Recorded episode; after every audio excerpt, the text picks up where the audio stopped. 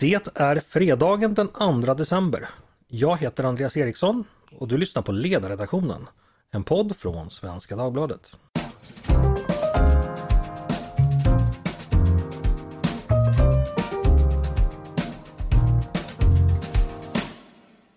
Varmt välkomna!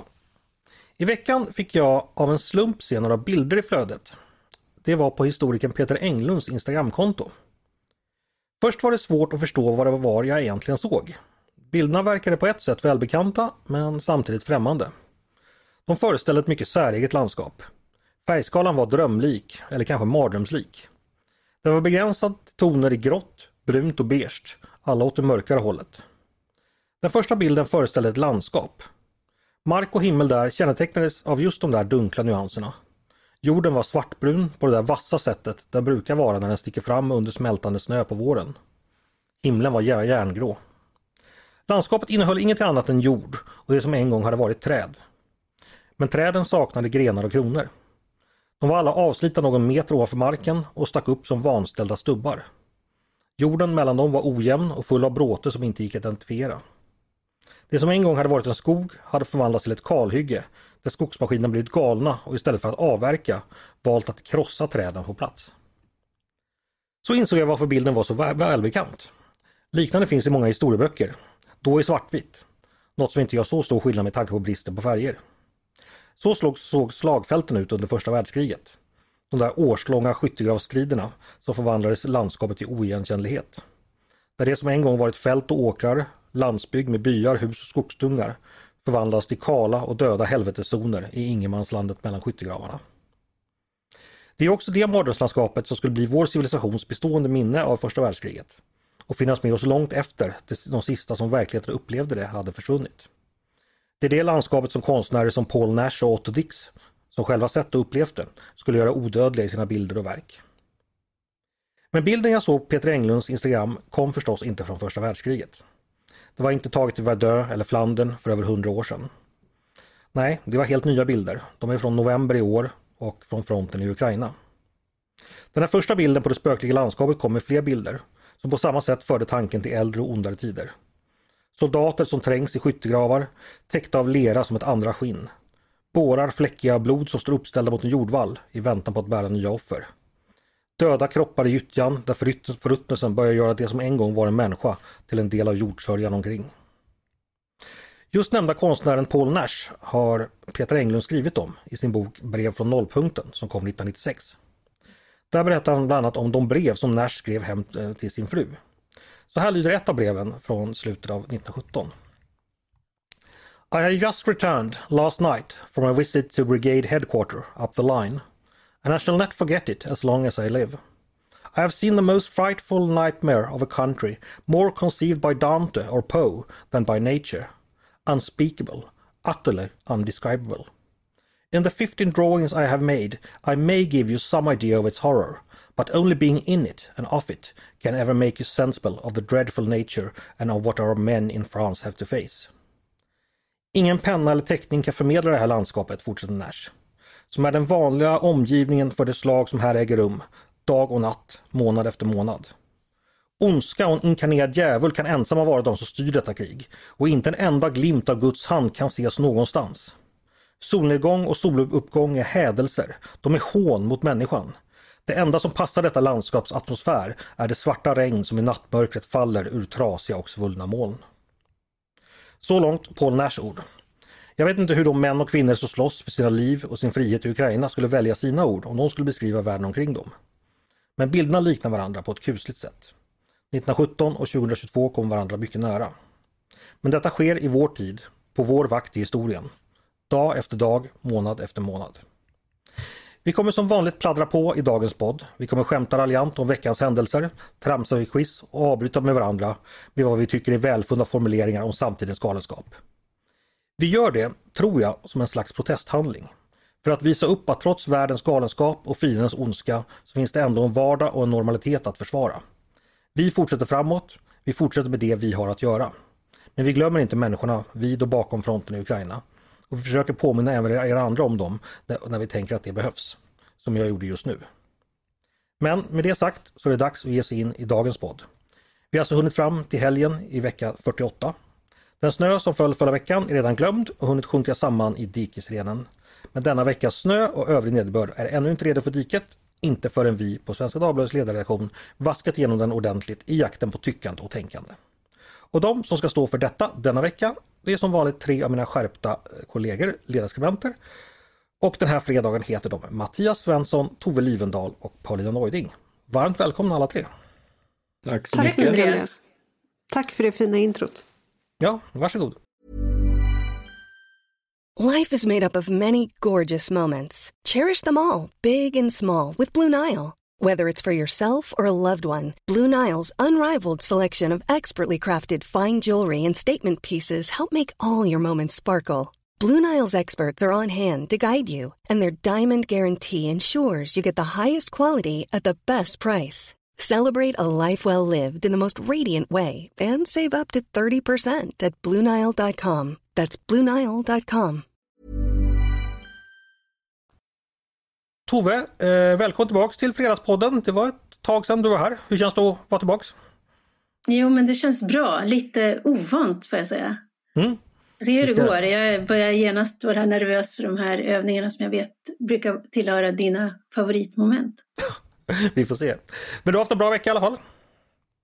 Ja, det har varit en bra vecka. Den har varit... Eh, ja, jag har varit, dykt ner i, eh, i frågor som också tillhör det med, liksom, som gör den lite mer tungsint. Men det får jag återkomma med till läsarna i nästa vecka. Mm. Men det har också känts väldigt meningsfullt. Det är ju så med det här jobbet att eh, även alla dagar är bra dagar. Vissa dagar är inte så lätta, men de är i alla fall meningsfulla. Och det är fantastiskt tycker jag. Hade jobbet varit tungt och meningslöst, då hade det varit tuffare kan man säga. Men apropå det, jag måste bara säga, vår kollega Olof Ehrenkrona skrev ju i veckan en lång text, eh, en update om vad som händer i Ukraina, men också påpekar de här ryska förlusterna. Och där är också människoliv som spills helt i onödan. Och det är ju de bilderna som han skildrar där, som bygger på den rapportering vi kan få fram, den, den, det, det är precis det du beskriver, bara det att man ser människorna där, det är liksom människor som skickas ut utan träning och de ska klara sig där men de eh, dödas inom några dagar. De som inte dör på en gång ligger och fryser ihjäl i lervällingen. Det är, det är svårt att ta in att det här pågår medan vi andra håller på och adventspyntar. Mm. Så är det ju såklart. Så är det. Paulina, hur är läget med dig? Det är bra tack. Du, jag tänkte berätta en sak. Och det är att du har varit med i mycket finare poddar än den här i veckan. Eh, utveckla! Jag har varit med i Frankfurter Allgemeine Zeitungs podd. Se där ja! Se där ja! Ja, det var en debut. Och, Och eh, ändå, ändå nedlåter du att återkomma till, till vår podd. ja, och jag undrar, kommer jag bli dubbad till tyska här också? Det är inte, inte omöjligt. möjligt. Jag vill gärna det om det går bra. Ja, för nu ska jag berätta för er som lyssnar, ni måste ju givetvis lyssna på den här podden, men det är ju då att Paulina eh, blir alltså dubbad i podden. Så att det är, Paulina börjar prata och så kommer en annan kvinna och pratar, lägger orden i din mun helt enkelt. eh, hur, hur kändes det?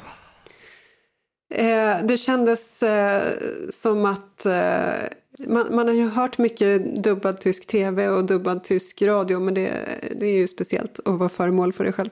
Ja, du är numera föremål för dubbning. Eh, Mattias, eh, har du blivit dubbad någon gång? Nej, eh, det, det har nog inte hänt. Det skulle vara väldigt roligt om man dubbade dig på, eh, till tyska. och det var sagt då. Vad, vad, stängs- vad stängs då?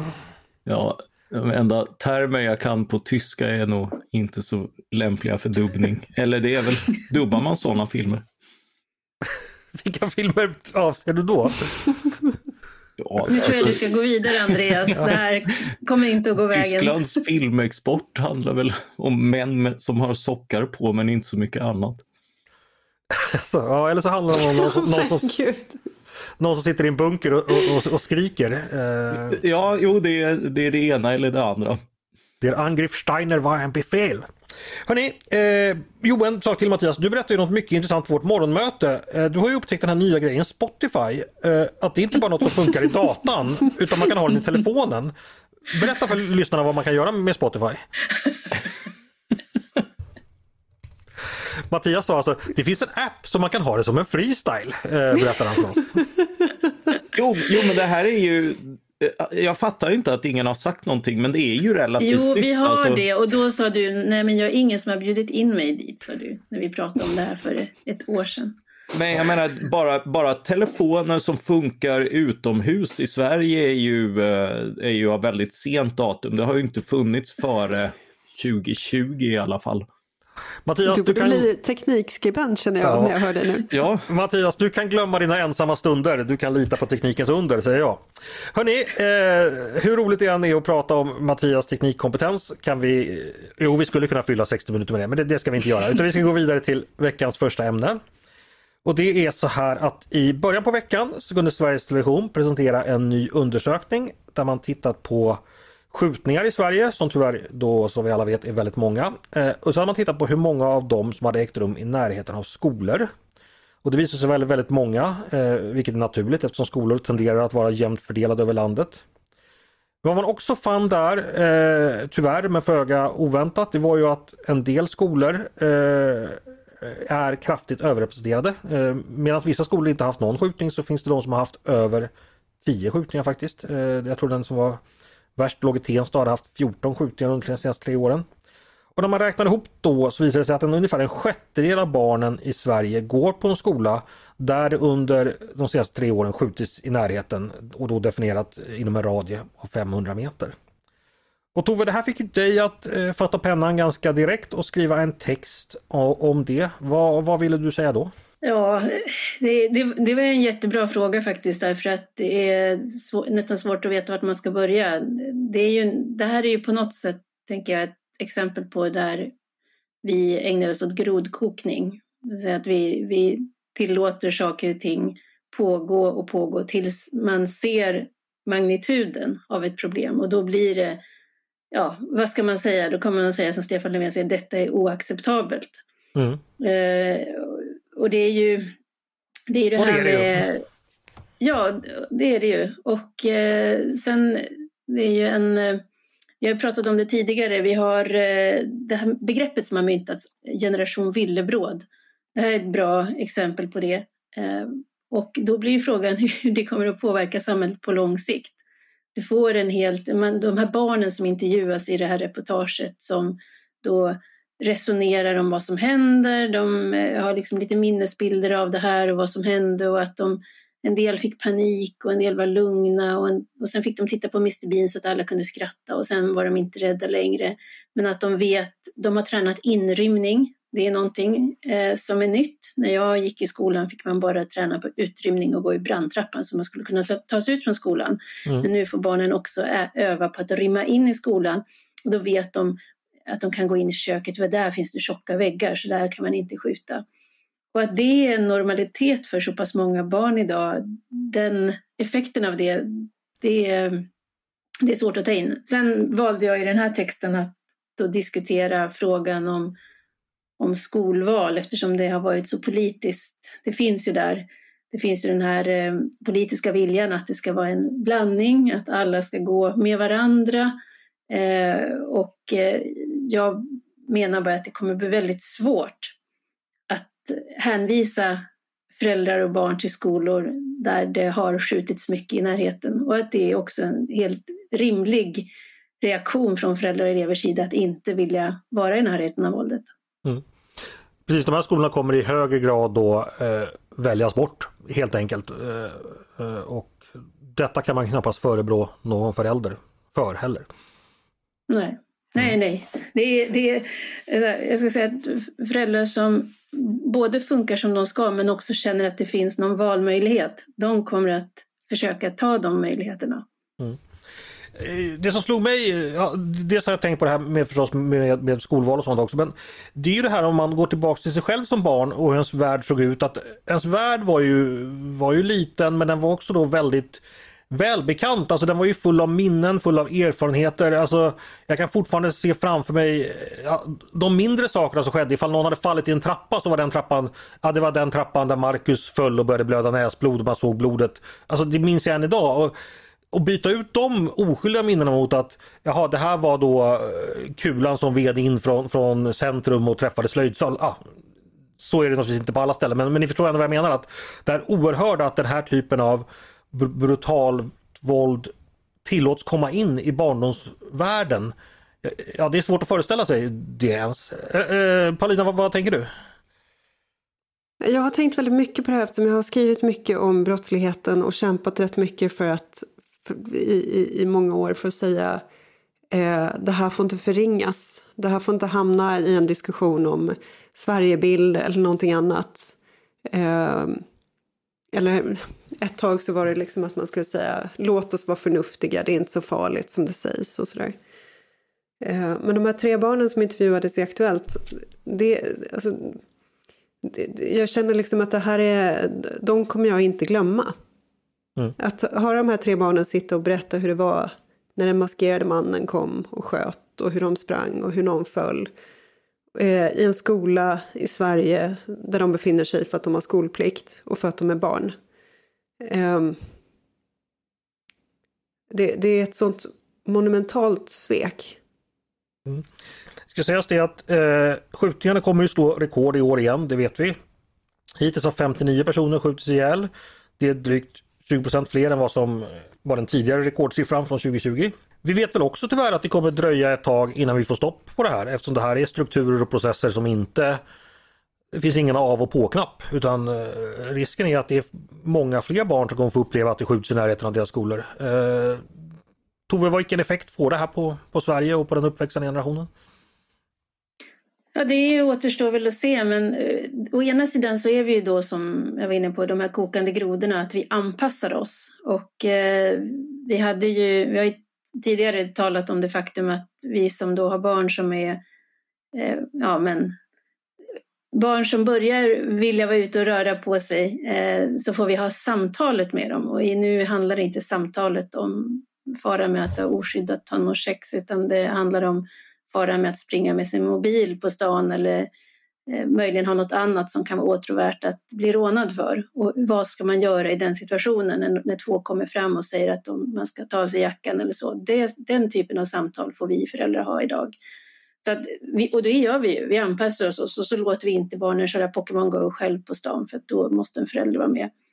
Eh, så det är väl det ena, att vi bara på det sättet normaliserar det för att alternativet är att man låser in barnen.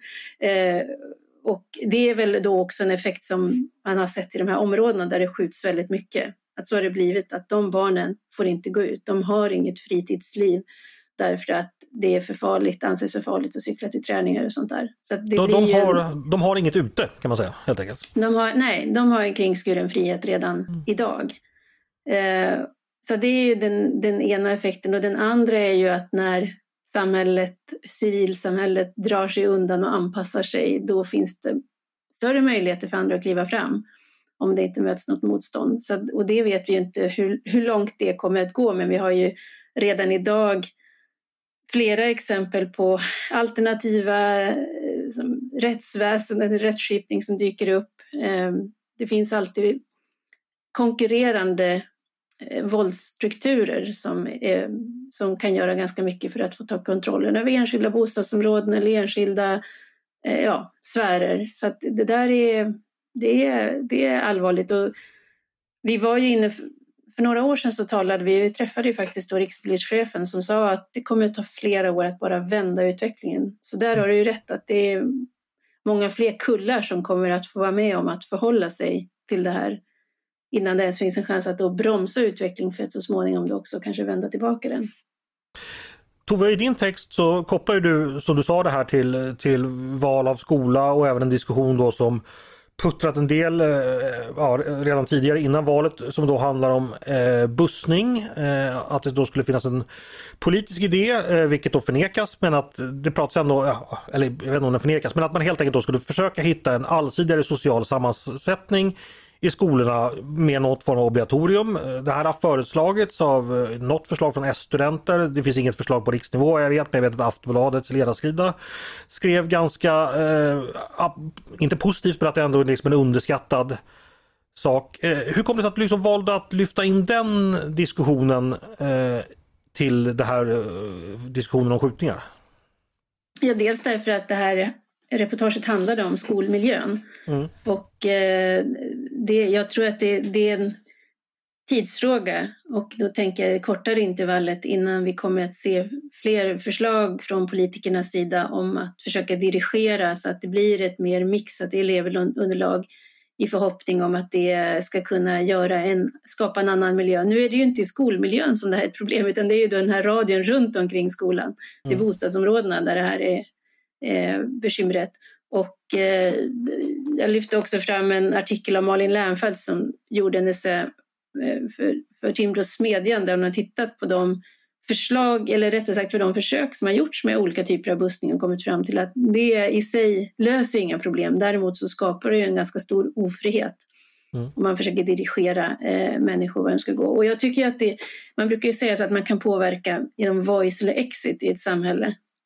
Eh, och om du med all din voice inte får något alternativ till våldet då kommer du försöka rösta med fötterna och ta de möjligheter du kan. Och jag tycker att den, innan man har lyckats skapa och få bukt med den, den grasserande grova kriminaliteten som skapar den här typen av otrygga situationer runt skolan, då ska man, man kan inte ha mage att komma och försöka göra det svårare för människor att rösta med fötterna.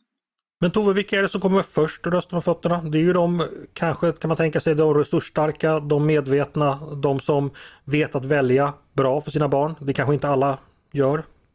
Det vet vi av hur skolvalet fungerar, att det har en sorterande ja. effekt.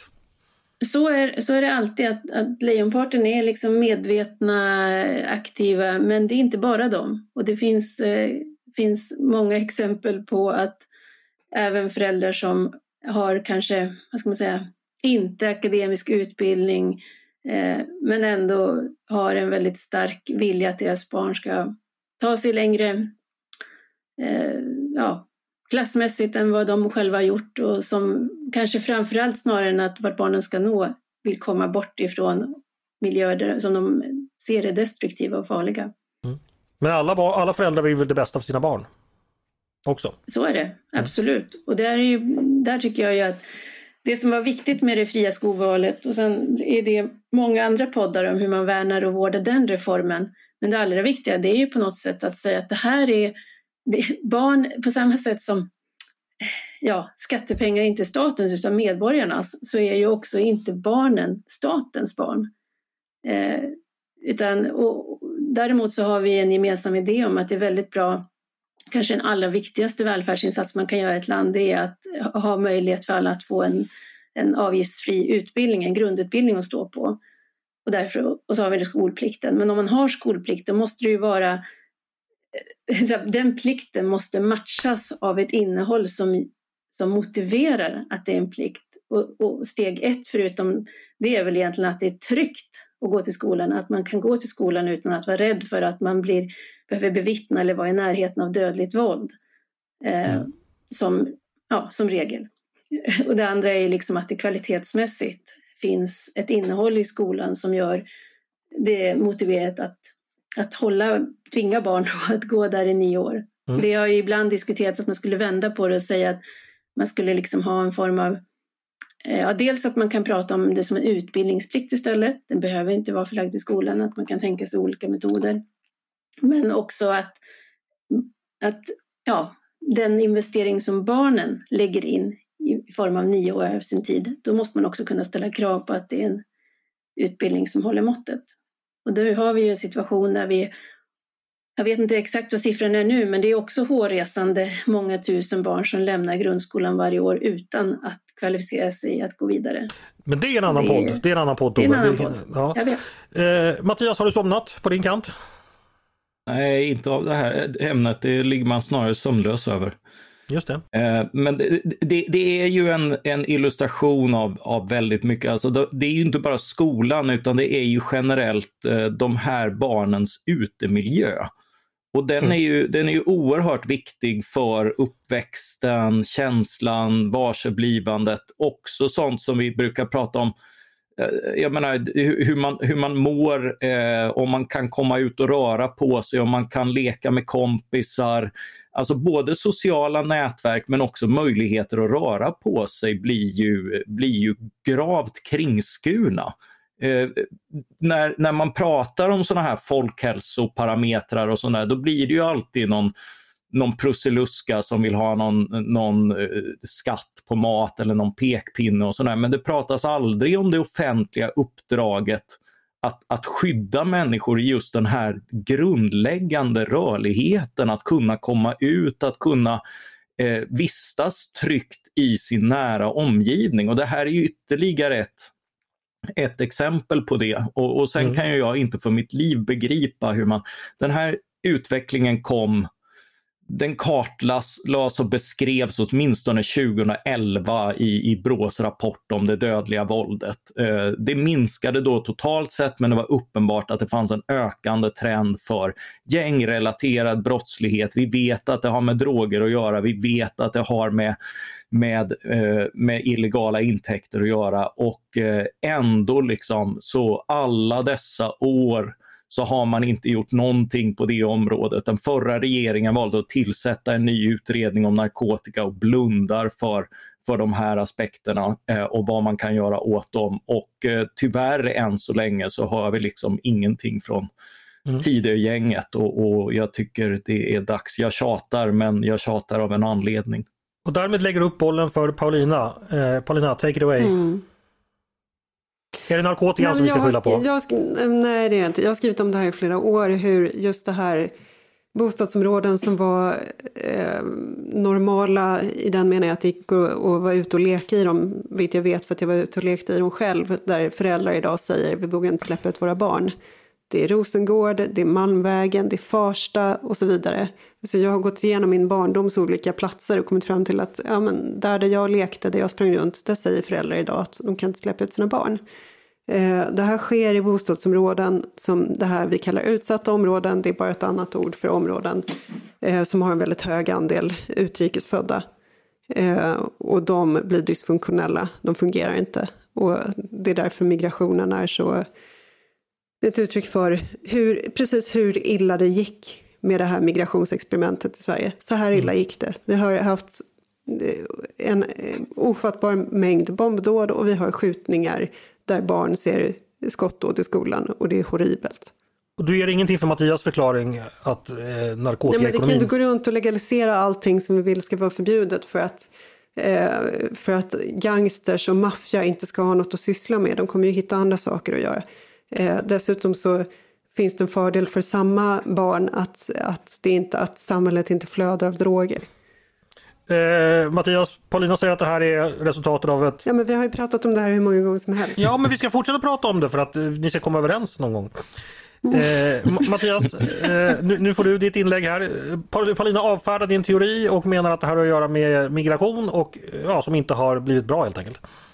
Ja, det har det ju också. Alltså, mm. Det finns ju en anledning. Många länder har, eh, har liksom eh, gäng eh, och eh, illegal försäljning av narkotika men inget, för, inget land vad jag känner till i Europa har samma trend med just skjutningar och den här typen av väldigt unga rekryter som dras in i det här också. Det är ju en annan del av, uh, av det här att växa upp är ju också att man vänjs vid. Uh, många blir rädda för det, många far illa men det blir också en, en normalitet som, uh, som riskerar att dra in fler i det. Eh, och, och det är ju ytterligare en aspekt. Men det är klart att fanns inte den här, den här drogekonomin, den här, alltså att, att, att kunna sälja droger är liksom en, en logistik som drar in väldigt unga på ett, ett sätt som mycket annan brottslighet som förstås de tunga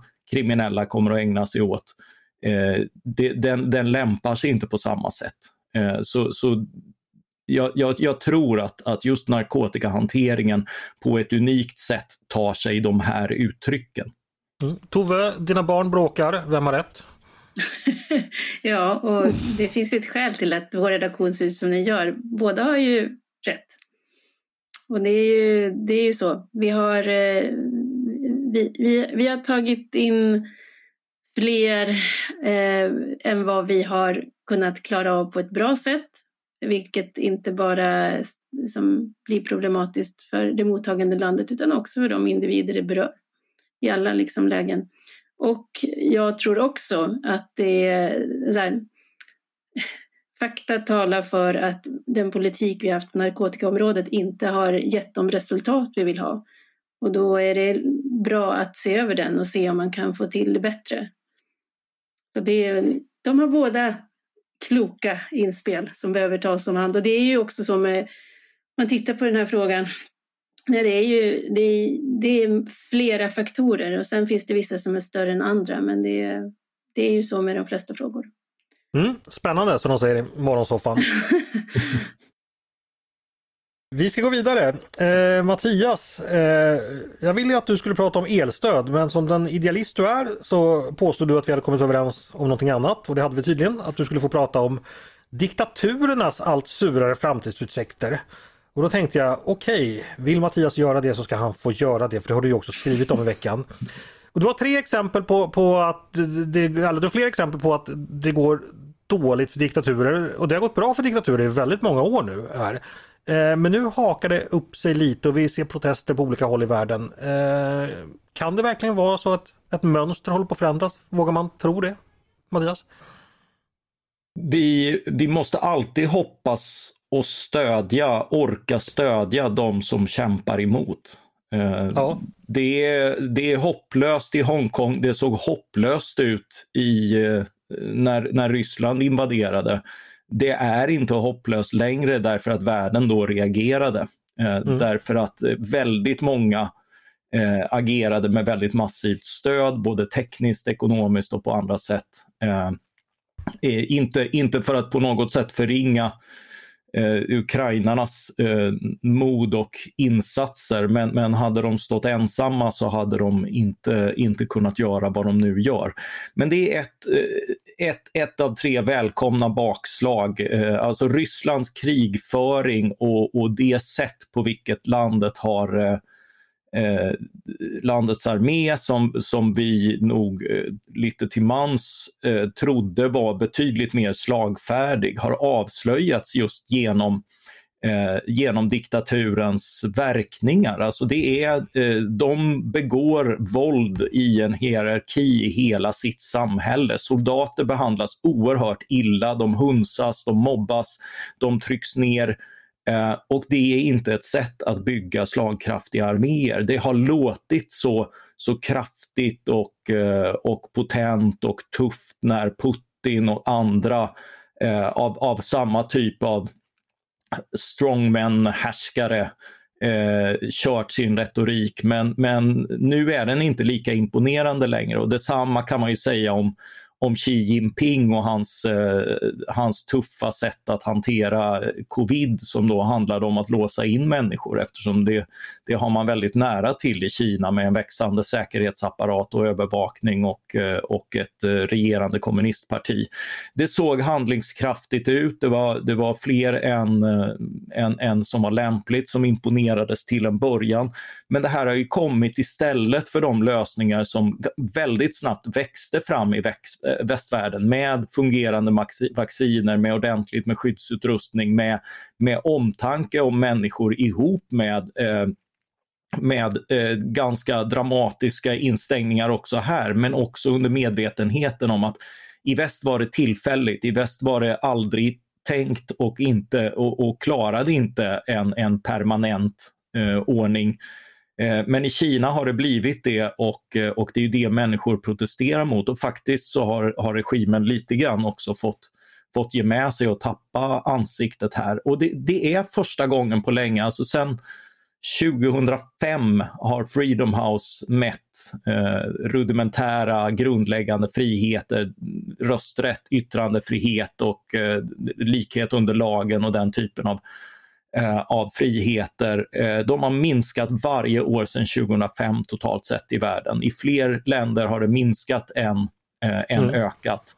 Eh, och den summan lever vi nu med 17 eh, år senare och, eh, och, och att det då äntligen börjar att, att diktaturerna börjar bli så tunga att, att de lite grann vacklar under sin egen tyngd.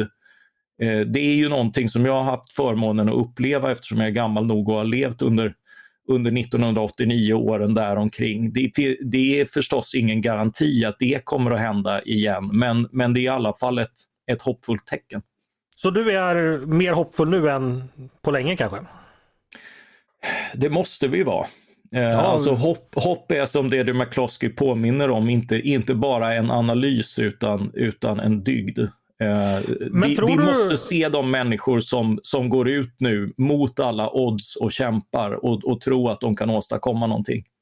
Tror du att det är, finns ett samband mellan det vi ser i Kina, Ryssland och även Iran som är väl det tredje exemplet du tar upp? Eller är det slumpmässigt att det kommer just nu? Nej men det, det, här hänger oftare än vi tror ihop. Människor tittar på och inspireras av vad andra gör. Eh, vi, vi lär oss av varandra. När, när eh, Berlinmuren föll och länder blev fria i Östeuropa så befriades också Sydafrika från apartheid och Chile från Pinochet-diktaturen. Eh, det var en, en global tillbakagång av, eh, av, av diktatur och förtryck i världen som eh, som, som, som, var massiv. Eh, män, människor lärde av varandra, det blev en, en ganska stark norm. Och på samma sätt så, eh, så ser vi idag att, att liksom, den här typen av, av auktoritärt tänkande har ju åkt på bakslag också i sina lättvarianter med Bolsonaro som förlorar i, i Brasilien och, och Trump-knutna kandidater i USA och liknande. Så, så lite av en trend hoppas jag, men kanske tror också att det är. Mm. Det får vi verkligen hoppas på i så fall. Eh, det var ju Vill du prata fick... el nu? Hörru du, du ska få slippa elen idag. Eh, för att eh, regeringen har ju ändå skjutit upp elstödet till februari så att eh, då får vi skjuta upp diskussionen om det också. Ja. Eh, om inte Paulina har någonting att säga om el elen? Nej, det kommer kanske. Inte Elon Musk heller. Hörni, eh, då ska vi gå vidare eh, till mitt favoritmoment. Eh, och det är det som heter, som vi inte har kunnat ha på, på länge för vi har liksom inte haft sakkunskap om det tidigare. Men det heter Så funkar en ledarsida. För att kunna genomföra det momentet så måste man ha en politisk chefredaktör på plats och det har vi idag. Hon heter Tove Livendal. Och jag tänkte fråga dig om en sak när det gäller ledarsida Tove och du måste svara ärligt och öppet och utförligt. Det gäller antalet personer på ledarsidan. Eh, och då ska jag börja med att göra lite reklam för en sak vi håller på med just nu. Det är nämligen ledarsidans julkalender. Under december månad kommer vi att publicera 24 luckor eh, och bakom var och en av dem döljer sig en person som riktar en uppmaning till regeringen att göra någonting. Eh, och det rör sig då om enkla, kloka, frihetliga reformer som borde genomföras omedelbart, helst igår. Och tanken är då att en borgerlig regering ska aldrig behöva lida av brist på idéer eller skylla på brist på idéer för att de inte gör någonting. Två luckor har redan publicerats. Eh, Johan Lundberg, docenten och författaren som skrev om akademisk frihet igår. Det var den första luckan. Och Ann Heberlein som skriver idag och det handlar om enklare by byggregler. Och det här, eh, jag tar upp det här, nämner det här för att det är lite typiskt för Svenska Dagbladets ledarsida. Det är ju att vi tar in väldigt, väldigt mycket olika röster. Eh, Tove, jag tror du räknar ihop något år att eh, om man summerar är det väl drygt 100 personer per år som skriver på ledarsidan. Ja, det är det. Ja, och det är inte alla ledarsidor som har den här eh, väldiga mängden röster. Varför har vi valt att göra så Tove? Eh, det finns eh, två skäl till det. Det ena är rent egoistiskt. Eh, det är roligare. eh, fler människor ger större eh, chans för att man får fler perspektiv, infallsvinklar, kunskap än på färre. Så det, det är bara för att det, det är roligare att jobba så. Mm. Och sen så tycker jag också att eh, vi har inte jättemånga plattformar i Sverige. Det finns ju, det är klart att det blir fler och i och med de här eh, fria som kör på nätet så finns det ännu fler. Men jag tycker att en, även en stor uppburen traditionell plattform mår bra av att vara i gott sällskap. Eh, det blir, jag tror att det blir roligare för läsarna också. Eh, så att jag, det, det, är egentligen det är ingen konstigare sak än så annat än att jag tror att det, debatten mår bra av att flera perspektiv får komma fram. Och eh, även om vi, eh, menar, vi blir ju rätt duktiga generalister vi som är ledarskribenter. Vi ska kunna ta oss an nästan vilket ämne som helst och vara duktiga på att hitta information och sen presentera en text och eh, kanske också en åsikt kring hur man ska förhålla sig till eh, en fråga. Men ibland så är det ju att gå över efter vatten om man känner någon som är expert och det är just den typen av insikt man vill ha. Vi sitter här och det händer någonting i en annan del av världen, då kan man ju faktiskt höra med någon som kanske har under lång tid följt området eller frågan eller vad det nu gäller och få en mer insiktsfull text än vad vi själva hade presterat. Mm, det låter mycket logiskt, men jag tänker ändå alla ledarsidor gör ju inte så här. Vi har ju en i samma hus, eh, Aftonbladet, som jag inte alls tror publicerar så många, så där har man uppenbart valt en annan strategi. Finns det någon nackdel med att ha så här många som gör att inte alla är lika flitiga som oss med att publicera olika röster? Eh, nackdelen är ju om man vill ha den mer gamla sortens ledarsida som var som en daglig predikan, så här ska du tycka. Mm. Och då blir det bara stökigt om man är många som tycker, för det kan man börja tycka olika och då blir det, blir det utmanande. Men vi har, eller jag, jag och vi har ju inte den ambitionen och jag tycker att jag är väldigt befryndad med det sätt som hela Svenska Dagbladet har förhållit sig till sin ja, vad är det för typ av produkt vi gör och då har vi haft eh, ja, såna, så formuleringar av typen hur formar du dina tankar? Det vill säga det är inte vi som gör det åt dig, vi kan ge dig underlag men du får själv göra jobbet. Eller att vi, vi brukar ofta påpeka att vi inte vill skriva läsarna på näsan, eh, vilket i ledarskribentens värld ofta handlar om att man stryker den sista meningen.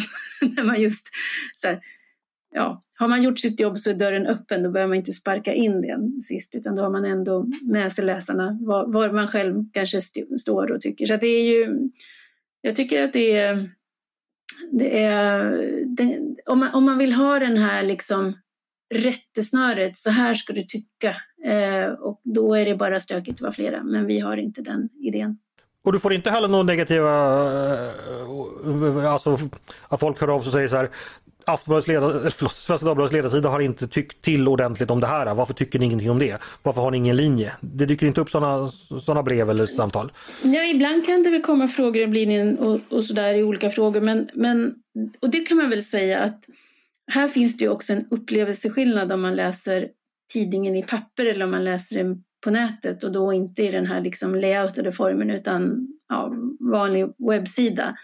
Att det, då kan jag, jag kan tänka mig att det kan framstå som ibland så kan det inte vara lika lätt att urskilja vad är ledare nu eftersom vår avdelning också heter detsamma som våra artiklar. Mm. Alltså att led, vad är en ledare? Eh, och det finns, ett, det finns en risk att vårt inifrån ut-perspektiv, att ja, men vi vill ha en mångfald och så vill vi ge ut det.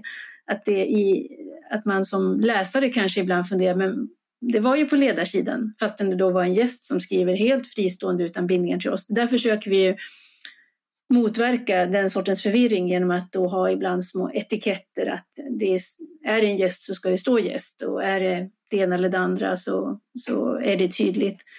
Sen har jag ju ibland, det kanske är läge att göra det igen, jag har gjort det med jämna mellanrum, publicerat en liten ruta där det står vem som skriver vad på Svenskans ledarredaktion så att man kan urskilja vad är skillnaden mellan en ledare och en kolumnist till exempel. Och sen har vi ju krönikörer också. Vad är, vad är det för något? Så det, det är väl det som kan vara nackdelen då, att det möjligen kan framstå som lite otydligt. Men jag tänker att, att Många fler personer att ta ansvar för när de skriver dumheter på Twitter och använder fel ord.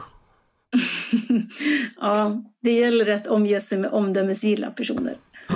För, för, för människor är ju rappa att eh, pinga dig att Tove, vad säger du om det här? Nu har skribent A skrivit förgriplig sak B och du genast måste ja, kommentera detta. jag vet, men jag brukar inte lockas in i rollen som kycklingmamma. Jag tycker jag jobbar med vuxna människor och det är ofta vuxna människor som eh, kommunicerar även om de gör det ovuxet en del i omgivningen och då, ja, och ja, det, där finns ju ett koketterande. Man går ju inte på Twitter för att man är ärligt nyfiken på frågor, oftast. Och är det så att man börjar pinga in och säga ja, det vore väldigt intressant att veta vad Tove Livendal tycker om Mattias Svenssons text idag. Mm. Då tänker jag att hade man varit väldigt nyfiken på det, då hade man ju mejlat mig. då hade man inte ställt sig på torget och skrikit. Så bli... nu får man ju se intentionen i det. Offentlig, man för offentlig talan om eh, vad folk tycker. Ja, mm. eh, men okej, vi har många röster för att vi tycker det är kul och att vi tror att det är bättre och vi ska fortsätta med detta eh, och vi hoppas att eh, läsare och lyssnare förstår vad som är vad helt enkelt. Eh, med det sagt så ska vi gå vidare och det blir dags för mitt favoritmoment faktiskt. Det som heter Svar direkt, då vi stresstestar våra ledarskribenters politiska reflexer och förmåga att blixtsnabbt skilja sant från falskt och rätt från orätt. Det går enkelt, helt enkelt till, som ni vet, att jag smäller på mina kollegor med ett nyligen lagt förslag eh, som de genast får plocka upp, skärskåda och uttala sin dom över. Och domen den ska vara kort, den ska vara binär, den ska vara ja eller nej, för eller emot och snabbt ska det gå. Det är därför momentet heter Svar direkt. Är ni redo att börja? Är ni redo att ge svar direkt? Ja. Underbart. Regeringen bör utreda hur ett slöjförbud i skola och förskola ska se ut. Detta skriver sex moderata riksdagsledamöter på Aftonbladets debattsida. De skriver vidare att detta, citat, innebär i klartext att utreda möjligheten att förbjuda ett plagg som ytterst handlar om förtryck och sexualisering av minderåriga. Slutcitat. Vad...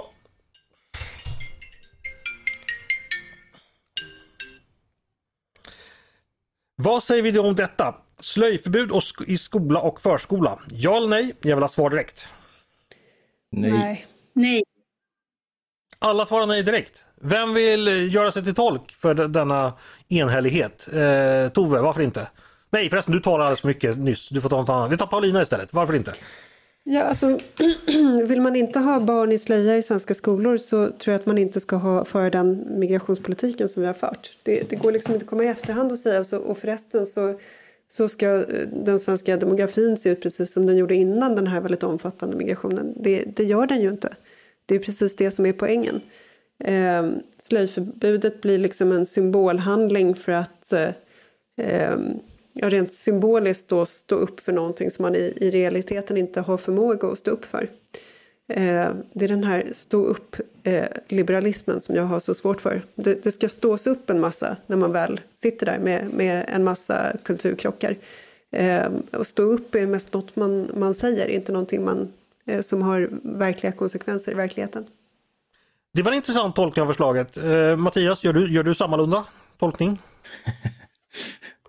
eh, nej, men generellt sett så, så är jag väl skeptisk till eh, förbud och, och, restriktioner och precis som Paulina säger så finns ju en väldigt stor risk att det är små barn och familjer som kommer i kläm snarare än att man löser ett problem. Mm. Okej, okay. men då var vi emot detta. Då får vi meddela detta, detta till de här sex liberala, eller liberala var de inte, moderata eh, eh, riksdagsledamöterna att den obundet moderata ledarsidan håller inte med dem. Eh, känns det okej okay, Tove? det är okej. Okay. Ja. Vi ska gå vidare och då ska jag säga så här att riksdagen i veckan har beslutat att utlänningslagen ska ändras vad avser arbetskraftsinvandring. Tidigare har det funnits en krav på en lönenivå som räcker för att individen ska försörja sig. Numera är det ändrat till vad som kallas god försörjning. Tidigare har då praxis satts vid en försörjning som är, innebär att man inte ska behöva söka försörjningsstöd. I praktiken att man ska tjäna då 13 000 kronor i månaden. Nu blir det högre, jag vet inte riktigt var praxis kommer hamna men god försörjning ska det vara. Vad tycker vi om då detta? Är vi för eller emot höjda inkomstkrav för arbetskraftsinvandring? Jag vill ha svar direkt. Ja, inte så högt. Nej, det är mitt svar också. Mm. Jag ska säga det, det här är ju den förra regeringens förslag som jag har förstått det, som riksdagen har röstat om nu. Eh, sen tror jag att det kommer beredas ytterligare. Ja, det var ju den förra regeringen som genomförde paradigmskiftet, har ja. Magdalena Andersson Ja, precis. Eh, men Tove, vad tänker du? Är, det här med att praxis är 13 000 idag, är, är det för lågt tycker du? Alltså, skälet till att vi, det kommer förslag är ju att systemet har missbrukats och det tror jag vi har pratat om några gånger förut och skrivit om också. Och det är klart att det, vi, kan inte ha, eh, vi kan inte göra enkelt att missbruka systemen för då kommer de att tappa legitimitet. Men däremot så gäller det att man inte kastar ut barnet med badvattnet. I grunden så är, är principen att självförsörjande migration eh, ska underlättas och välkomnas. Om människor sköter sig, följer lagar och regler och eh, vill arbeta för sitt uppehälle tillfälligt någon annanstans så är det bra. Det är liksom en grunden sund rörlighet. Och sen får man se till att de avarter som uppstår, då får man försöka eh, vårda reformen på ett sådant sätt så att det blir svårt att missbruka dem. Så att, och där har väl just den här, det har vi ju varit på, att den här nivån som de har föreslagit, den blir, den kommer att slå fel. Okej, eh, det, det, var ett långt och utförligt svar. Eh, vi går vidare. Eh, och då ska jag berätta att Stockholms stad eh, drar in på julbelysningen. Eh, det meddelar tidningen Mitt i. Eh, det är Stadsledningskontoret som har skickat ut en åtgärdsplan för alla bolag och förvaltningar där det bland annat står att man bör avstå från jul och dekorationsbelysning i stadens egna kontor och verksamhetslokaler. Och i Östermalms stadsdelsområde som tidningen har pratat med innebär dessa direktiv att det exempelvis inte blir några adventsljusstakar eller julgranar på kontor, förskolor eller gemensamhetsutrymmena på äldreboenden. Vad tycker vi om detta? Är det här rätt sätt? Är det ett bra sätt att kommunerna sparar pengar på detta? Ja eller nej? Jag vill ha svar direkt. Nej. Nej. Varför inte det? Vi ska inte kommunerna spara pengar? Eller ska skattebetalarna stå för detta tycker du Mattias? Det, det, finns ju ett känt talesätt och när kommunen sparar pengar så släcker de i äldre, eh, äldreboendet. eh, alltså de, de, eh, de tar ett dumt sätt att, att spara pengar eh, för att eh, slippa behöva göra det. I det här fallet så handlar det mer om att man vill signalera en snålhet med eh, med eh, energi eftersom vi kommer att ha problematiska toppar. Men, men det är ju inte det man gör utan det är ju ren signalpolitik eh, som, som inte hjälper till med något av problemen och dessutom förstås så går man på det som skänker lite, lite glädje och mys i tillvaron under dessa mörka år. Eh, så det, det, man är mycket snar, man är alltid snarare liksom att andra ska försaka glädjande saker. Eh, och, och det blir gärna ett självändamål hos, eh, hos politiker och det här är ett typiskt sådant förslag. Mm. Alltså vi har en helg där vi kommer samman för att eh, liksom eh, kommer samman kring ljuset i mörkret. Det, det, är liksom, det är ganska värdefullt att det finns en sån kollektiv, ett sånt kollektivt firande av ljuset i mörkret. Det kanske mm. man inte ska ta bort då på äldreboenden till exempel. Mm. Det, ska sägas, det här var ju Stockholms stad exemplet kom. Det är ju andra kommuner också som har varit ute och flaggat om detta. Vi diskuterade senast idag, var det Gotlands kommun Tove, som, eh, eller Region Gotland som hade tänkt spara? Mm. Det kommer Precis. en text eh, här eh, om en liten stund av Peter Wemblad på temat. Mm, precis. Så detta, dessa mörkermän finns runt om i vårt land. Eh, men vad fint, då har vi fått eh, väldigt benära och snygga svar där. Så nu vet alla vad man ska tycka om, om arbetskraftsinvandring och om eh, kommunala sparplaner och eh, vad var det mer? Jo, slöjförbud. Hörni, det är dags att gå vidare. Och då har det faktiskt blivit dags för eh, mitt favoritmoment. Det är det vi kallar Är du smartare än en ledarskribent? Och ni känner ju till det väl. Eh, det går ut på att jag testar ledarskribenterna på några triviafrågor som anknyter eller ibland inte anknyter till dagens diskussion. Och ni som lyssnar kan vara med och tävla och svarar ni eh, snabbare och mer korrekt på mina frågor än vad Tove, Mattias och Paulina gör. Då är ni helt enkelt smartare än ledarskribent och får starta upp er egen tidning och konkurrera ut Svenska Dagbladet. Det bör vara en enkel sak med tanke på hur smarta ni är. Eh, Paulina är faktiskt regerande mästarinna. Ja. Mm.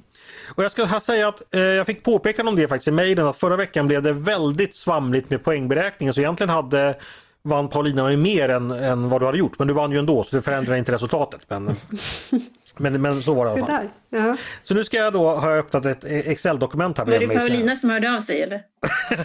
Precis, jag, jag skaffade en sån här anonym mejladress. Ja, det, det, var någon som kallades Noid Paulsson eller sådär. Det var någon väldigt arg person. Och Tove, jag ska säga nu detta, du, du har kanske varit med om det men det är i alla fall lite nya regler eh, på uppmaning av läsarna. Eh, svara gör man fortfarande med att säga sitt namn. Man får bara minuspoäng om man svarar innan jag läst färdigt frågan. Efter det bestraffas inte en chansning med minus. Men man får bara en chansning per fråga. Det är bra uppdatering av regler. Mycket bra. Då drar vi igång. Eh, på söndag är det då andra advent och detta ska vägleda oss. Andra advent och andra olika saker och ting. Och då undrar jag helt enkelt, vad hette Sveriges andra kvinnliga utrikesminister? Den första lärde vi känna redan förra veckan. Mm. Det är lite knivigt men om ni tänker efter tror jag ni... Ja, men, då... ja, men jag chansar då. Ja, låt höra. Um, det var kanske varit innan. Jag tänkte, ja, Margareta Ugglas tänkte jag. Ja, det tänkte du helt rätt Tove. Bra, hon var den andra. Och den första fick vi lära oss förra veckan, det var ju Karin Söder, Centerpartisten. Och här känner sig producenten nödgad att bryta in. Det var ju så länge sedan jag fick vara med i podden på fredagar och rekommendera musik som jag ibland gjorde. Så jag vill passa på att tipsa om ett av få populärkulturella verk som avhandlar Karin Söder. Och då tänker jag förstås på Torsten hällde brännvin i ett glas åt Karin Söder med eh, Eddie Medusa. Men nu åter till frågesporten. Margareta Uggla, hon är ju född Stenbeck. Eh, 1983 så kom hennes lillebror Jan hem till Sverige efter att ha bott i New York och blivit rik. Och han tog över släktens företag Kinnevik på en uppmärksammad bolagsstämma som ägde rum på biografen Draken. Eh, det finns ju kända bilder från den här tiden för på biografskylten eh, utanför stod det Jan Stenbeck i, St i Staying Alive som var den film som precis hade haft premiär. Det var Stenbecks hantlangare som pröjsat biografvaktmästaren att ändra texten. Men vad skulle det egentligen stå? Vem var det som egentligen var med och spelade huvudrollen i Staying Alive? Mattias, Ja, Mattias? det var väl John Travolta. Det är klart det var. Klart det var, snyggt. Såg du den Mattias, när den gick? Eh, inte, inte, inte när den gick, eh, men eh, den har man väl nog sett. Den har man nog dansat till. Hörrni, vi fortsätter med andra. Andra kammaren till exempel. Eh, när hade vi för sista gången val till den i Sverige? Eller senaste kan jag säga. Det kanske vi har i framtiden också. Paulina, Mm, Paulina, får höra. det var 1971. Nej, det var fel. Får ni andra chansa varsin gång också. Mattias, Ja, är det 68? mm, visst är det det Mattias. Snyggt. Ja men fan. Rycker du åter ledning, två poäng, Tova ett, Paulina står kvar och hackar på noll. Eh, 1968 är ju då förstås ett eh, stort år som många minns. Bland annat skedde ju stora studentprotester runt om i Europa. Så också i Stockholm då kårhuset ockuperades. Men var, var låg och ligger fortfarande kårhuset i Stockholm? Det är inte kårhus längre men var, var, var, var låg det då? Någonstans? Och då, hyggligt nära adress duger som svar. Ingen av er som har pluggat i Stockholm? Och... Men jag tänker på det här Frescati men det är något annat kanske? Ja, nej det är inte rätt. Eh, Frescati Nej. flyttade ju hela universitetet till men det här kårhuset låg lite mer centralt. Okej. Det slutade av kårhus 1981 ska sägas. Inga svar? Det- Ja, jag, jag chansar på vid observatorielunden. Ja, det, det får jag säga. Det är tillräckligt nära. Det är då på Holländargatan, en bit nedanför där. Men du, du var i alla fall i rätt, rätt trakter. Och det är så roligt, det här kårhuset nämligen, det omvandlades sen till lokaler för Handelshögskolan. Och det tyckte jag var, var väldigt intressant sen när jag pluggade där så satt man och skrev tentor just i den här stora salen som hade varit ockuperad av studenterna till 68. 30 år senare satt deras barn där och skrev tentor kring liksom optionsvärdering och liksom eh, neoklassicistisk makroekonomi och alla de här onda teorierna liksom som Ja, studenterna hade kämpat förgäves helt enkelt. Alltså det var en grym historisk ironi tycker jag. Holländargatan 32 i alla fall. Eh, ja, då fick du till poäng Mattias. Då är du uppe i tre poäng. Vem kan stoppa dig idag? Det beror på Eh, hur många frågor du har kvar. andra advent, andra Mosebok. Vad heter den på latin? Paulina, Ja, Paulina. Exodus. Visst gör den det. Där Fast du, det är inte latin, är det det? Jo, det är latin, förlåt. Ja, du, är inte hebreisk i alla fall. Nej, men jag tänkte om det kunde vara grekiska, men det är inte grekiska. Det är... Nej, Det är latin. Hörrni, Ja, i, det. I den skildras israeliternas uttåg ur Egypten och ur det slaveri som farao hållit dem, dem i. Bibeln nämner inte namnet på denna farao men den anses ofta, eh, han anses ofta ha varit eh, en farao som var historisk som regerade på 1200-talet före Kristus och hade en mycket lång regenttid. Som av en slump är hans ordningsnummer också den andra. Men vad hette denna farao?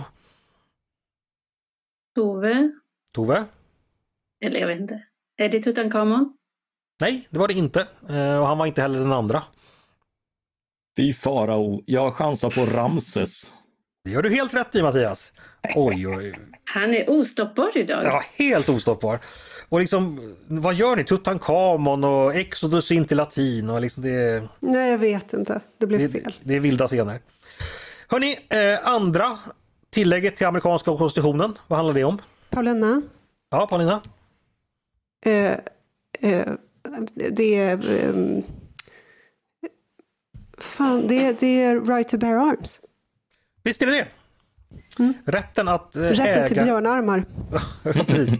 Rätten att äga och bära vapen. Eh, och det heter väl då, eh, hur lyder det? Well regulated militia börjar att man då... Ja, precis. Det är en milis man ska... Ja. Jag tror Homer Simpson säger det i något avsnitt att om inte han får bära vapen så kommer kungen av England när som helst dyka upp och göra honom till slav igen. Så att det är den bakgrunden. Eh, hörni, vi går, eller för förra veckan frågade vi om första världskriget, förlorade första advent. Nu tar vi andra världskriget. Vem var kung i Sverige när det bröt ut? Paulina. Paulina?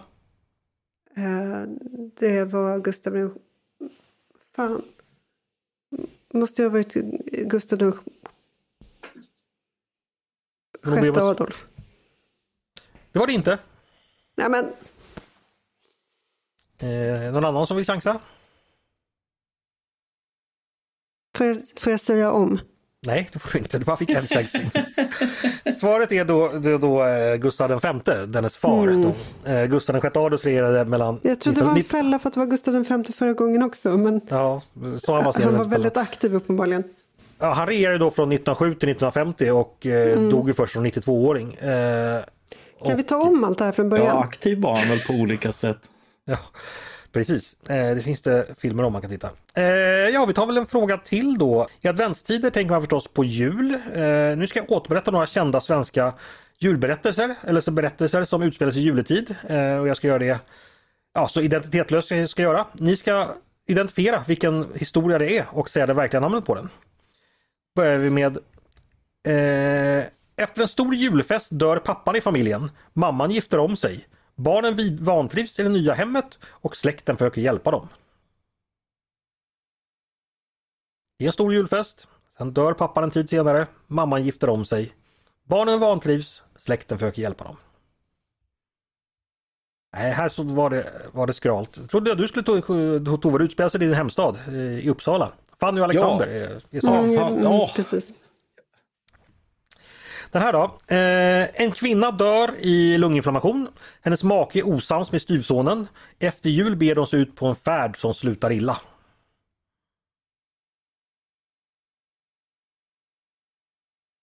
Ringer inga klockor? Vänta, så, så, jaha, men är det eh, Utvandrarna? Nej, det är det inte. Eh, fast, nej, jag vet inte om någon dör i lunginflammation där i början. Det är väl en, ett barn som Nej, dör i ett barnet. annat. Kvinnan som dör i lunginflammation, hon heter Madame Flod. Hennes make heter, Paulina. heter Karls... Nej, nej jag har redan, det här är facit Paulina. Det, det, du kan men sluta nu. Maken heter Karlsson och styvsonen heter Gusten eh, och det de beger sig iväg på det är ju då att man ska ta eh, liket efter Madame Flod och begrava henne för att eh, man måste göra det. Men det slutar illa och Karlsson drunknar och så slutar Hemsöborna av August Strindberg. Vi tar en Äntligen sista... stod prästen i predikstolen. Du sa det här på skämt va? Mm. Ja, för det, det var inte alls Han Hemsöborna kom som ett yrväder en Ja, aprilafton. Mm. Hörrni, Måste visa eh, att vi kan andra saker. Vi kan se, vi får en sista chans då. Eh, Ett sällskap unga män återkommer hem. De ger en fin gåva till världen och sen får de äta riktig julmat för första gången på många år. Julfirandet slutar dock i slagsmål. Ingen känner igen detta? Nej, eh, de unga männen som har... Ja, vem, vem var det? Nej, nu vågar jag inte chansa mer. Jo, men det kan du väl göra Tove? Jo, ja, men nu, förl- du förlorar ju inte poäng. Nej. Nej, men i Men man anseende. tappar ansiktet. Sällskapet med unga män då, de var vikingar med, med Orm och Toke. Den här världen de stöter på det är Harald Blåtand eh, och de dricker då jul hos honom i Gällinge. Så det är Röd Orm som jag tänkte på. Kan du inte Det göra några fler. Andreas? Eh, det här var allt jag hade gjort idag eh, till den här gången. Jag kan göra fler till nästa vecka Paulina och ifall du tycker det är roligt så ska jag göra det lättare också. Vad tror Gör du om det, här då? Eh, en 14-åring jobbar på posten, hans stränge fader. Eh, skulle, ja, skulle ni klara detta? Eventuellt. Ja, Ja, Mattias brukar gå Med sömngångaraktig säkerhet. exakt. Ja, men det är en bättre nivå. En sista fråga. Eh, valdeltagandet sjönk i 288 av landets 290 kommuner. Detta rapporterar SCB. Överallt utom i Sotenäs och Sorsele faktiskt. Men vad blev valdeltagandet på riksnivå i årets riksdagsval? Närmast vinner. Eh, Mattias, du har redan vunnit idag så du kan börja chansa. 78 procent. Mm. Eh, Paulina, du ligger tvåa. 81. Och Tove? Ja, jag lägger mig lite över då. 83 säger jag. Mm. 84,1 var svaret. Mm. Då slutade du lika på andra plats, Tove och Paulina, men veckans vinnare det är Mattias. Grattis! Tack så mycket. Det är alltid förvånande när så, något sånt sker. Men Hur känns det? Ja. Vi frågar mer hellre hur Paulina Jag mår. trodde Hur jag skulle vara Jag är förvånad själv. Vad var det därifrån? Det är ju hon från Östergötland som kräks. Okej. Ja, det var lagom, lagom obegripligt att sluta med. Jag trodde Paulina- jag skulle vara Nästa vecka Paulina ska du få vara med och skriva frågorna så att du ska få en ärlig chans. Vad tror du om det? ja, ja, precis. Hörni, det var allting jag hade att bjuda på. Det började i, i moll och men det slutade i alla fall ganska uppsluppet. Eh, tack så mycket Mattias Svensson, Tove Livendal och Paulina Neuding för att ni ville komma till mig idag och prata igenom veckans händelser. Ja, men det var ju ett nöje. Tack själv Andreas. Tack för att vi fick komma. Och tack så mycket till er som har lyssnat också. Eh, glöm nu inte bort vår julkalender på sidan eh, utan gå in och läs de luckorna. Eh, lucka 3 kommer imorgon och sen rullar det på hela fra- vägen fram till julafton. Det ni har lyssnat på nu det är då som ni vet Ledarredaktionen, en podd från Svenska Dagbladet. Ni är varmt välkomna att höra av er till redaktionen med synpunkter och tankar på det vi precis har diskuterat. Eller om ni har idéer och förslag på det vi ska ta upp i framtiden. Maila då bara oss på ledarsidan snabel svd.se. Dagens producent, han heter Jesper Sandström. Jag heter Andreas Eriksson och jag hoppas att vi hörs igen snart.